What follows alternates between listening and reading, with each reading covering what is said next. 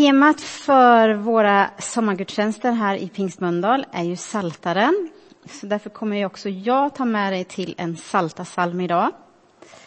Eh, och vi har funderat på det här vad Saltaren egentligen är för bok. Och det hebreiska ordet telehim betyder lovprisning.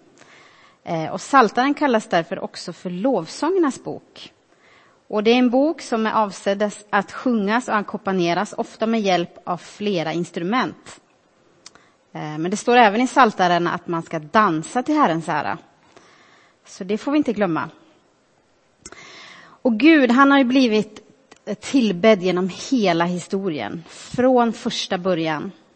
Och genom Bibelns historia kan vi läsa om att Israels folk har alltid tillbett Gud på ett eller annat sätt. Senare i Israels historia så läser vi om hur de tillbad Gud i templet. Och många av salmerna är kopplade till den tiden. Jesus han använder också salta salmer när han lovsjöng. Så det är något som jag tror och tycker kan inspirera oss också. Och många av våra sånger, sånger som är skrivna för länge sedan, men även sånger som skrivs idag, många av dem har också sitt ursprung i saltaren. Så det är lika bra för oss att fortsätta använda saltaren för att tillbe honom här och nu också och vara med eh, i den lovsång som pågår kring tronen. Eh, och Saltaren är, är ju utan tvekan Bibelns mest känsloladdade laddade bok. Här finns allt från klagosalmer till lovsång, till tacksamhet. Eh, man uttrycker både förtvivlan och förtröstan. Och Saltaren spänner över en period på cirka tusen år och är fullproppad med teologi, vägledning, inspiration, tröst och många ord och saker som vi kan identifiera oss med i våra liv. Så därför tror jag att Saltaren är en guldgruva för oss att hämta inspiration ifrån. Och bönen den här sommaren är att de salmer som vi har predikat om tidigare och det som vi även ska predika om framöver ska få hjälpa dig och mig att upptäcka tron och fördjupa vår relation med Gud. Vi ber tillsammans för den här predikan. Jesus, jag tackar dig för möjligheten vi har att få lyssna till ditt ord. Jag ber dig, Herre, att predikan idag ska få fylla oss med längtan, med eh, längtan att få söka dig, söka din närhet, söka din närvaro. Eh, och jag ber för den som sitter framför sin skärm just nu att du ska tala till den personen på ett särskilt sätt den här dagen. Att den ska få erfara att du längtar efter den personen och att den personen också ska få eh, uppleva en större längtan efter dig. Vi lägger hela den här predikan i dina händer. Amen. Idag ska vi titta på psalm 84 eh, som har eh, rubriken Längtan till Guds hus. Och där står det så här. För körledaren till Gittit, en psalm av Koras söner. Hur ljuvliga är inte dina boningar, Herre Sebaot. Min själ längtar och trängtar till Herrens gårdar. Min själ och min kropp jublar mot levande Gud. Sparven har funnit sig ett hem och svalan ett bo där hon kan lägga sina ungar dina altaren, Herre Sebaot, min kung och min Gud. Saliga är de som bor i ditt hus, de som lovar dig ständigt, Sela. Saliga är de som har sin styrka i dig, som har dina vägar i sitt hjärta. När de vandrar genom Tåredalen gör de den rik på källor och höstregnet täcker dem med välsignelser. De går från kraft till kraft. De träder fram inför Gud på Sion. Herre Gud Sebaot, hör min bön. Lyssna du Jakobs Gud, Sela. En dag i dina gårdar är bättre än tusen andra. Jag vill hellre vakta dörren i min Guds hus än bo i de gudlösas tält. För Herren Gud är sol och sköld. Herren ger nåd och ära. Inget gott nekar han dem som vandrar i fullkomlighet. Psalm 84 ingår i en grupp som kallas för hymner och lovsånger. Och de börjar oftast med en uppmaning att lova eller prisa Herren. I det här fallet så börjar det med att uttrycka förundran över Guds boningar, över Guds hus. och sen även en längtan efter Herrens gårdar och efter levande Gud. Just psalm 84 tillhör en undergrupp till de klassiska lovsångssalmerna som också kallas för Sions hymner.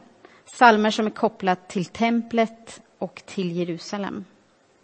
Och salmen den talar framför allt om längtan till Guds hus och det är där jag kommer hålla mig idag i min predikan.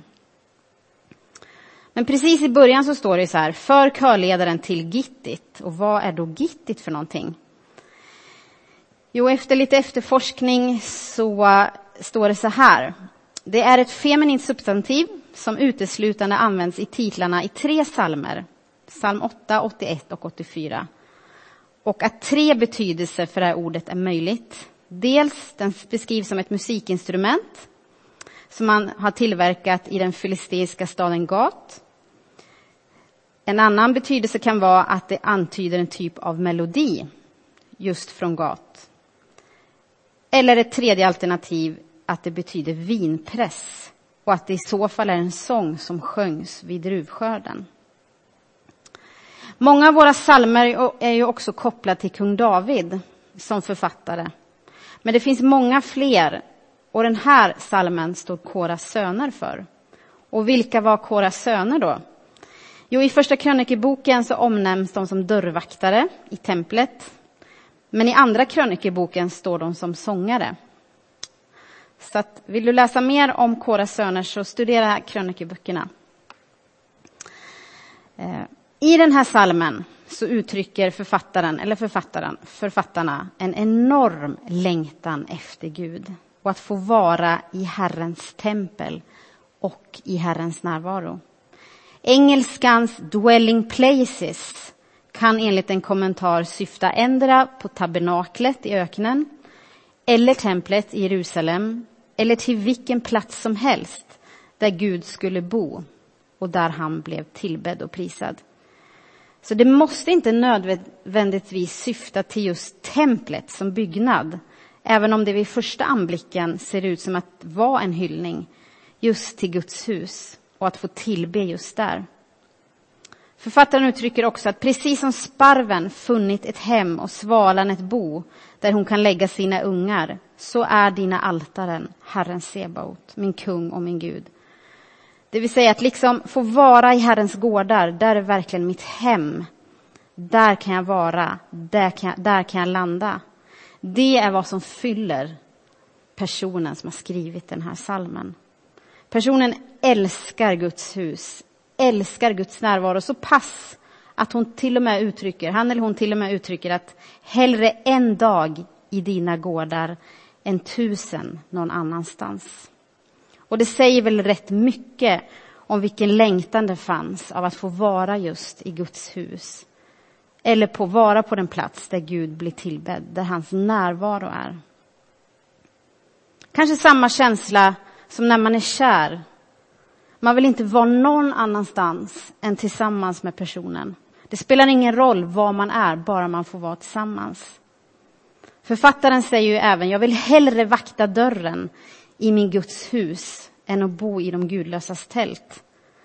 Att, vara, ehm, att vakta dörren, att vara en doorkeeper, eh, som engelskan säger, det kanske inte stod så högt i kurs, men hellre det än att leva bland de gudlösa.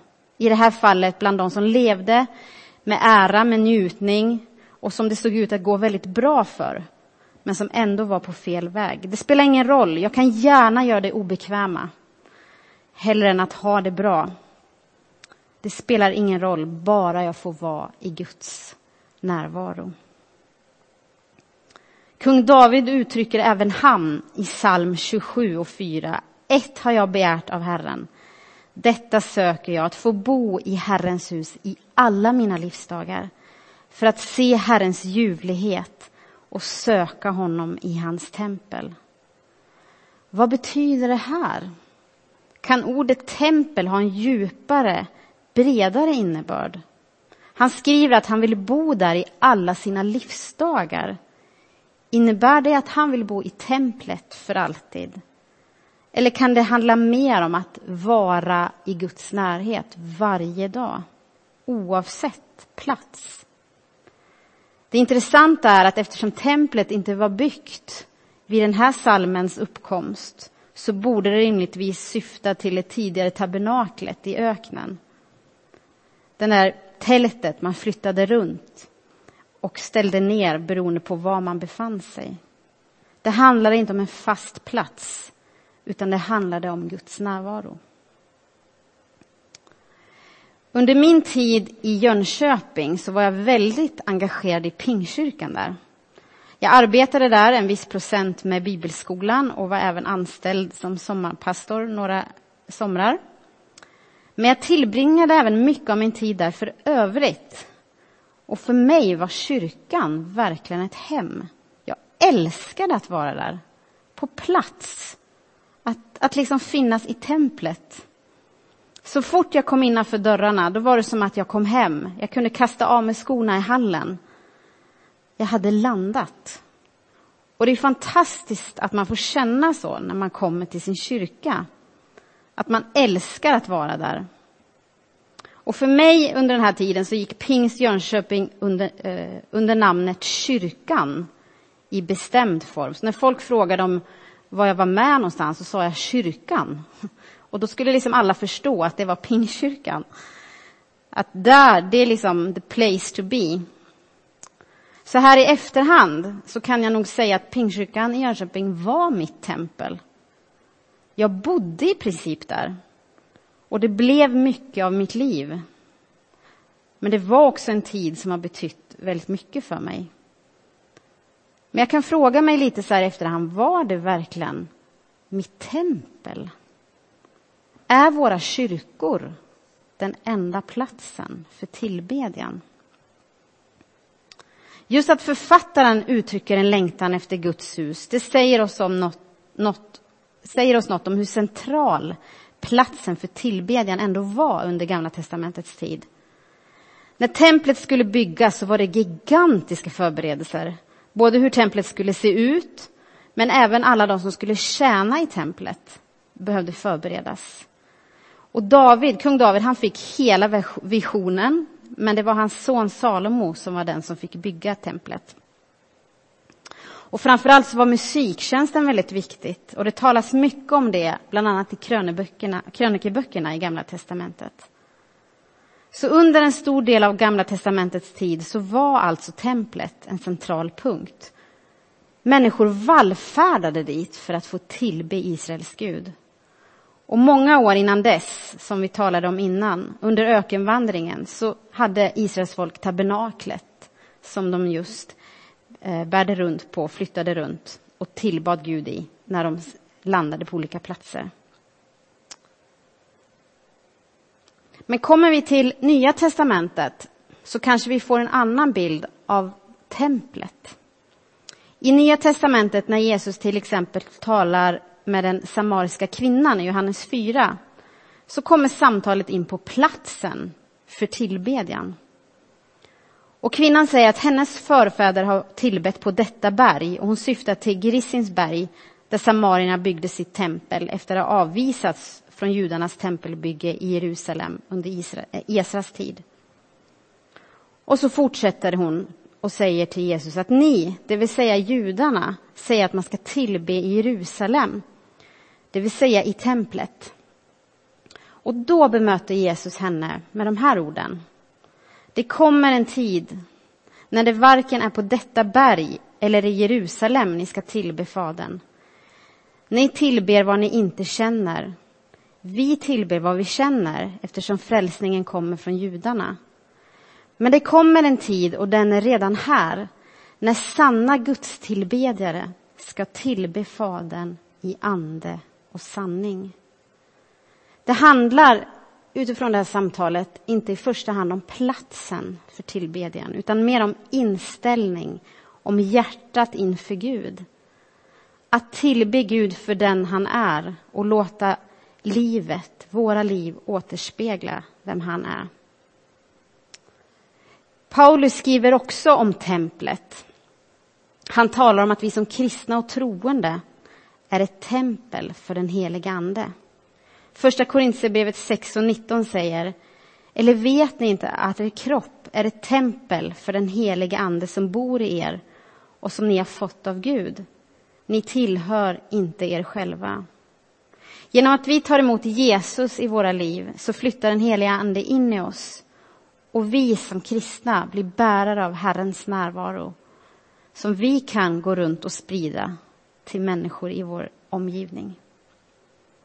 Naturligtvis har vi också ett tempel som vi kan gå till vanligtvis och mötas. Församlingen, kyrkan. Men under den här tiden så har det inte varit möjligt.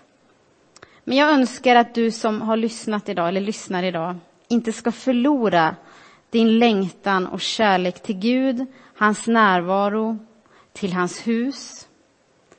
Utan låta det som den här salmen uttrycker även få vara din längtan. Men jag vill utmana dig utifrån den här salmen idag att Guds närvaro är var helst där Gud blir ärad. Så han finns hos dig där du befinner dig. Den platsen kan vara ditt tempel. Dessutom, som jag sa innan, så är du en bärare av Guds närvaro till andra människor. Människor kan längta efter att få möta dig därför att de ser att du har något speciellt i ditt liv. Så låt oss inte bara fokusera på själva kyrkbyggnaden, även om vi längtar efter att få komma hit och vara tillsammans. Utan tänk större. Vi längtar efter att få mötas i vår kyrka och det hoppas vi att vi får framöver. Men så länge det inte går, sök Herren där du är. Tillbe honom här och nu, precis där du befinner dig. Amen. Vi ber tillsammans. Jesus, jag tackar dig för att du bor i våra hjärtan.